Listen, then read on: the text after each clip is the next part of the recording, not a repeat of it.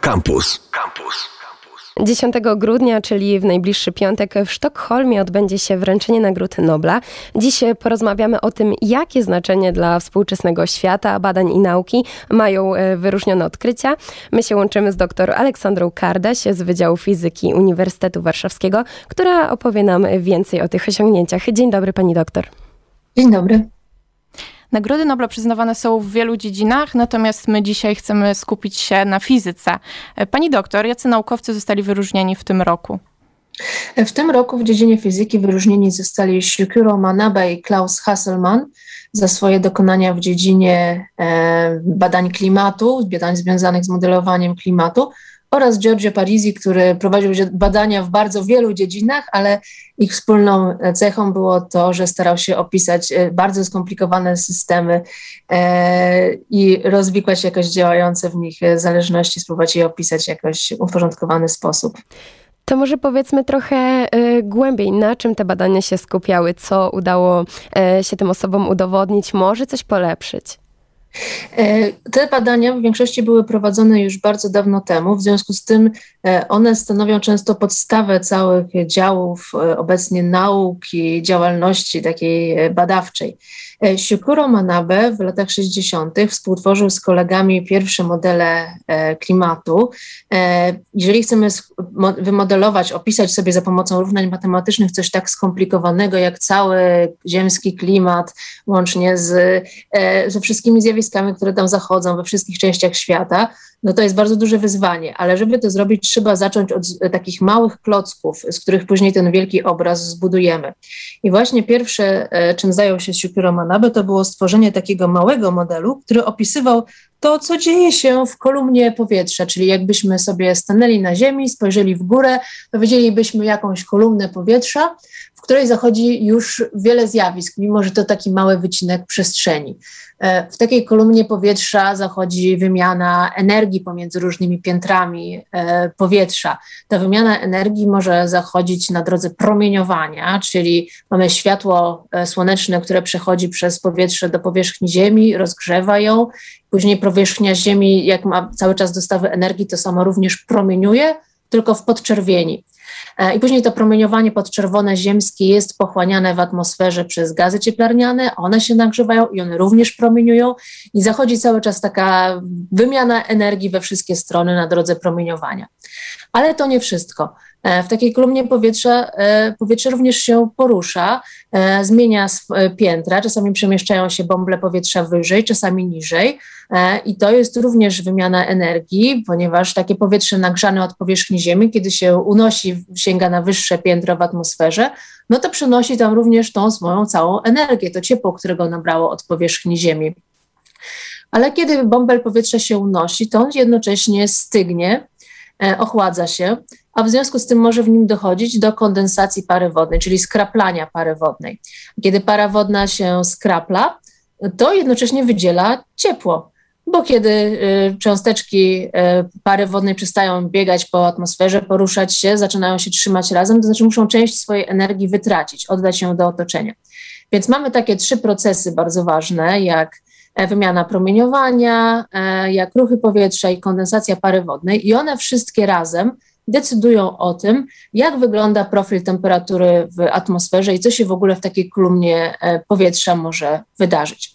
I ten e, model taki matematyczny, e, zapisany jako później jako kod komputerowy, jako metoda jakiegoś rozwiązywania tego, co się dzieje w takiej kolumnie powietrza, to jest podstawa dzisiaj, do, do, dzisiaj modelowania klimatu, bo cała nasza atmosfera składa się po prostu z bardzo dużej liczby takich pojedynczych kolumn powietrza. I to wszystko, co Sikure Manabe wtedy sformułował i metody, które no, ustalił dla e, opisu zjawisk w kolumnie powietrza, dzisiaj stosujemy również w modelowaniu e, klimatu. E, on wyjaśnił również, co by się stało, gdyby w atmosferze przybyło lub ubyło dwutlenku węgla.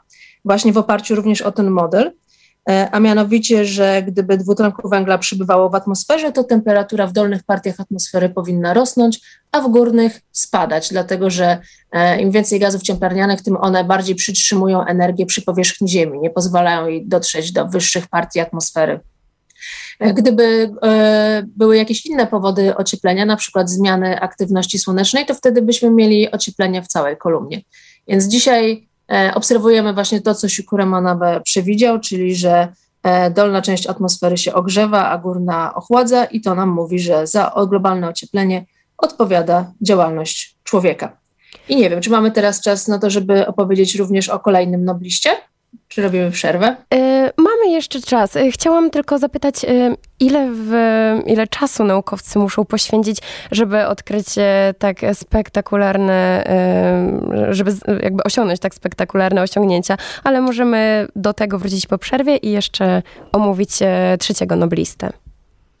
E, drugi noblista, Klaus Hasselmann, e, zajmował się e, jest z wykształcenia oceanografem i jemu zawdzięczamy wyjaśnienie, dlaczego nasz system klimatyczny ma pamięć. Wiadomo, że w systemie klimatycznym zachodzą różne zmiany, niektóre się wydają na pierwszy rzut oka chaotyczne, ale okazuje się, że one nie są tak do końca chaotyczne i przypadkowe. W naszym systemie klimatycznym funkcjonuje wielki, wielki zbiornik energii, jakim jest ocean. Ocean bardzo powoli się ogrzewa i bardzo powoli stygnie. W związku z tym e, pogoda każdego dnia i każdego roku zależy nie tylko od tego, jaka jest sytuacja taka synoptyczna, jak się ułożą e, układy ciśnienia, ale także od tego, e, jak bardzo nagrzał się lub wyschłodził ocean w poprzednich miesiącach, w poprzednich latach.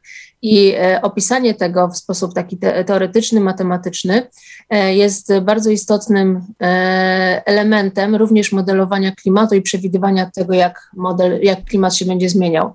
Jednocześnie fakt, że klimat ma taką swoją pamięć, pokazuje nam, że klimat w przeciwieństwie do pogody jest bardziej przewidywalny że możliwe jest e, prognozowanie e, klimatu i tego, jak on się będzie zmieniał pod wpływem różnych czynników. I tutaj właśnie dokonania Klausa Hasselmana nam to umożliwiły i wyjaśniły. Pani doktor, chciałam zapytać, ile czasu trzeba poświęcić, by dojść do takich przełomowych osiągnięć jak tegoroczni nobliści? Czy to jest raczej długi okres badań, czy można osiągnąć to w krótkim czasie, na przykład podczas jednego roku, czy dwóch lat, czy, czy po prostu trzeba się spodziewać długiej, długiej pracy? E, tutaj pewnie nie ma jednej odpowiedzi. E, są takie e, zadania naukowe, które wymagają mm, bardzo wielu godzin takiej spokojnej pracy, nawet przez kilka lat, kiedy człowiek ma czas spokojnie zastanawiać się nad jakąś kwestią, zwłaszcza takie prace dotyczące matematycznego czy fizycznego opisu jakichś zjawisk. Tutaj wymaga, czy potrzebny jest taki spokojny, spokojny namysł, I, e, I to może zająć dużo czasu. Czasami e, wymaga też współpracy z wieloma osobami. Z kolei takie zadanie bardzo konkretne, jak zbudowanie modelu opisu jakiegoś zjawiska, jeżeli prawa fizyczne, które je opisują, są już znane i trzeba to po prostu uporządkować i zapisać jako E, porządny kod e, komputerowy, to wtedy powiedzmy zespół pięciu osób w ciągu, e, w ciągu kilku lat jest w stanie to takie zadanie po prostu w bardzo konkretnym terminie wykonać. Trzeba wziąć pod uwagę, że te prace obecnie badawcze E, często są wynikiem współpracy bardzo wielu osób i tak naprawdę e, nikt e, nie zaczyna od zera, od po prostu wymyślania od nowa fizyki, tylko bazuje na tym, co już wcześniej zostało wymyślone, jakie prawa fizyki już zostały odkryte i po prostu porządkuje je, używa do nowego, do opisu kolejnego zjawiska. E, również jak popatrzymy na to, kto otrzymał Nagrodę Nobla w tym roku, to zauważymy, że to są naukowcy, którzy zajmowali się różnymi rzeczami. E, oni byli też pojedynczymi osobami z całych grup e, często badawczych, z całych zespołów, które zajmowały się rozwijaniem później ich, ich prac. Więc tutaj takie oszacowanie, ile to czasu wymaga, no jest, jest trudne, bywa różnie. Oczywiście, czyli ten proces dochodzenia do, do jakiejś teorii w różny sposób może wyglądać. A czy wiadomo już w jaki sposób te odkrycia tegoroczne, e, to znaczy te efekty pracy tegoroczne, e, zostaną wykorzystane w przyszłości, albo być może czy już są wykorzystywane w jakimś stopniu? No właśnie z, z nagrodami Nobla jest tak, że w większości przypadków, jak i również w tym, one przyznawane są za osiągnięcia sprzed kilkudziesięciu lat. E, I w związku z tym my już dobrze wiemy, że e, prace Shukuro Manabe i Klausa Hasselmana znalazły swoje zastosowanie. One są już w tej chwili wielokrotnie sprawdzone na lewo i prawo. E, one stanowią podstawę współczesnego modelowania klimatu, e, więc po prostu ich jakby zaleta tego podejścia, w którym nagradzamy kogoś za pracę sprzed kilkudziesięciu lat jest taka, że no już nikt raczej nie podważy ich wagi tych dokonań. Wiemy, że po prostu z tych rozwiązań korzystamy. Modelowanie, kiedy mamy modele E, klimatu, to one opierają się po prostu na tym, e, co, przy, co przygotowali dla nas e, Shukuro Manabe i Klaus Hasselmann. Wszystkie nasze projekcje, także metody pozwalające na odróżnienie wpływu człowieka na klimat od wpływu czynników naturalnych, rozmaitych, które znamy, takich jak erupcje wulkaniczne czy aktywność słoneczna. To wszystko jest pokłosie E, prac właśnie Manabe i Hasselmana i ich licznych, licznych e, kolegów. Myśli Pani, że skoro prowadzimy tyle badań nad klimatem, to e, czy te zmiany klimatyczne da się jeszcze naprawić?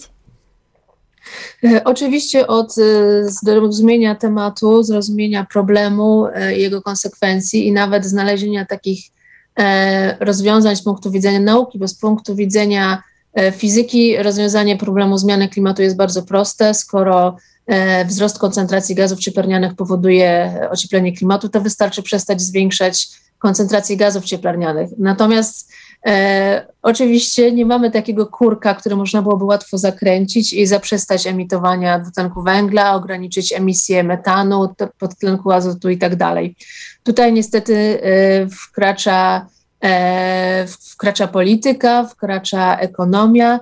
E, tutaj E, jest bardzo dużo pracy do wykonania, tak żeby po pierwsze wytłumaczyć ludziom, e, dlaczego, co i czy, dlaczego trzeba zrobić, a później znaleźć takie rozwiązania, które nam pomogą to zrobić e, technicznie, ale też tak organizacyjnie, bo wymaga to wprowadzenia bardzo wielu zmian. E, zmian w tym, jak produkujemy energię, e, jak e, produkujemy żywność, jak produkujemy bardzo wiele rzeczy, jak w ogóle działają nasze społeczeństwa. I tutaj niestety potrzebny jest dodatkowo wkład psychologów społecznych, ekonomistów, którzy znajdą rozwiązania pozwalające na no, zorganizowanie współpracy całej ludzkości w celu osiągnięcia redukcji emisji gazów cieplarnianych. Więc nie, nie jest to prosta droga, ale już sam fakt, że mamy jak, jakąś wskazówkę na temat tego, w jakim kierunku musimy iść, no myślę, że to już jest duży, duży krok naprzód. Gorzej byłoby, gdybyśmy nie wiedzieli, co powoduje zmianę klimatu i nie wiedzieli w ogóle, jak, jak ją ugryźć, od której strony. Tymczasem my wiemy i możemy jakby nasze wysiłki e, koncentrować wokół tego tematu. Czyli to jest po prostu taki złożony proces, który pochłania pracę wielu naukowców, po prostu wielu też nauk i wielu aspektów e, takiego życia, można powiedzieć, biznesowego, ekonomicznego. A jeszcze wracając do samych odkryć, chciałam zapytać, czy będziemy umieli na przykład lepiej przewidzieć susze czy powodzie, bo wiem, że same takie zmiany klimatu najbliższe będziemy mogli e, dzięki temu po prostu przewidywać. A co jeśli chodzi o właśnie takie mm, większe, bardziej wpływające na życie ludzkie zmiany? E, jeśli chodzi właśnie o to, jak wyglądają projekcje klimatu, to one dokładnie e, dotyczą częstości występowania różnych zjawisk. My e, możemy, nie, jesteśmy w stanie przewidzieć, jaka dokładnie będzie pogoda w, za dwa lata, albo czy dokładnie w 2023 czy 2006 wystąpi susza w Polsce, ale jesteśmy w stanie przewidzieć, czy susze będą coraz częstsze, czy będą coraz dotkliwsze i w których regionach. E, obecnie to, co się robi, to, co się bardzo rozwija, to są e, projekcje regionalne klimatu. Zwiększamy taką gęstość naszych siatek obliczeniowych, e, dzięki czemu będziemy w stanie coraz lepiej przewidywać lokalne czy regionalne efekty. To jest właśnie to, co się teraz rozwija. i ogólne trendy są znane, to znaczy wiemy, że zarówno susze, jak powodzie czy gwałtowne ulewy będą coraz bardziej prawdopodobne, coraz częstsze. Wiemy, że regiony, które E, już teraz są suche, będą coraz bardziej suche, a regiony, w których mamy już silne opady, będą doświadczać coraz silniejszych opadów. E, natomiast coraz, e, coraz dokładniej możemy dla konkretnych lokalizacji takie zmiany częstości, prawdopodobieństwa ekstremalnych zjawisk przewidywać. Pani doktor, to już tak e, na koniec e, chciałyśmy zapytać, jak wygląda życie naukowców po Noblu, bo przygotowując się do rozmowy zastanawiałyśmy się, czy jest coś takiego jak e, presja noblowska, że no po takim osiągnięciu to już wypadałoby osiągać same sukcesy, czy jednak tą pałeczkę prze... słowo mi uciekło, przejmuje ktoś inny i ktoś inny zajmuje się kontynuacją tych badań? No zwróćmy uwagę, że nobliści często otrzymują swoją nagrodę już po bardzo długiej karierze, więc e, mają już taki bardzo dużo dokonań, nie tylko to, za które tę Nagrodę Nobla e, otrzymali. E, I w oni już wtedy sami, jakby w wyniku rozwoju swojej kariery, pełnią na ogół rolę takich nestorów, mentorów, kierowników grup badawczych, osób, które zajmują się kierowaniem pracami, uczeniem e, młodszych adeptów, poddawaniem e, pomysłów, dzieleniem się doświadczeniem. Już wtedy na takim froncie samym badań raczej funkcjonują ich podopieczni, podwładni, uczniowie, którzy wtedy wykonują tą ciężką pracę podstawowych badań i eksperymentów pod kierunkiem tych swoich zwierzchników, bardziej doświadczonych. To trochę przypomina mi historię z pięknego umysłu doktora Nasza, który tak naprawdę przekazał właśnie pałeczkę swoim uczniom po swoim odkryciu. I też to, co pani mówiła e, wcześniej o tym, że e, to nie jest tak, że od razu się coś można wynaleźć i dostać tego Nobla, tylko właśnie się pracuje, pracuje i dopiero później się jest nagrodzonym, e, tak można powiedzieć, czasami z zaskoczenia za swoją pracę. Rzeczywiście tegoroczni nobliści bardzo długo e, czekali na nagrodę, już część z nich była e, wskazywana wielokrotnie wcześniej jako kandydaci, e, no ale dopiero, dopiero teraz otrzymali nagrodę. A naszym gościem była dr Aleksandra Kardaś z Wydziału Fizyki, Fizyki Uniwersytetu Warszawskiego. Pani doktor, bardzo dziękujemy za rozmowę. Internety. Facebook.com ukośnik Radiocampus. Twitter ukośnik Radiocampus. Snapchat ukośnik Radio Campus. Instagram ukośnik Radio Campus.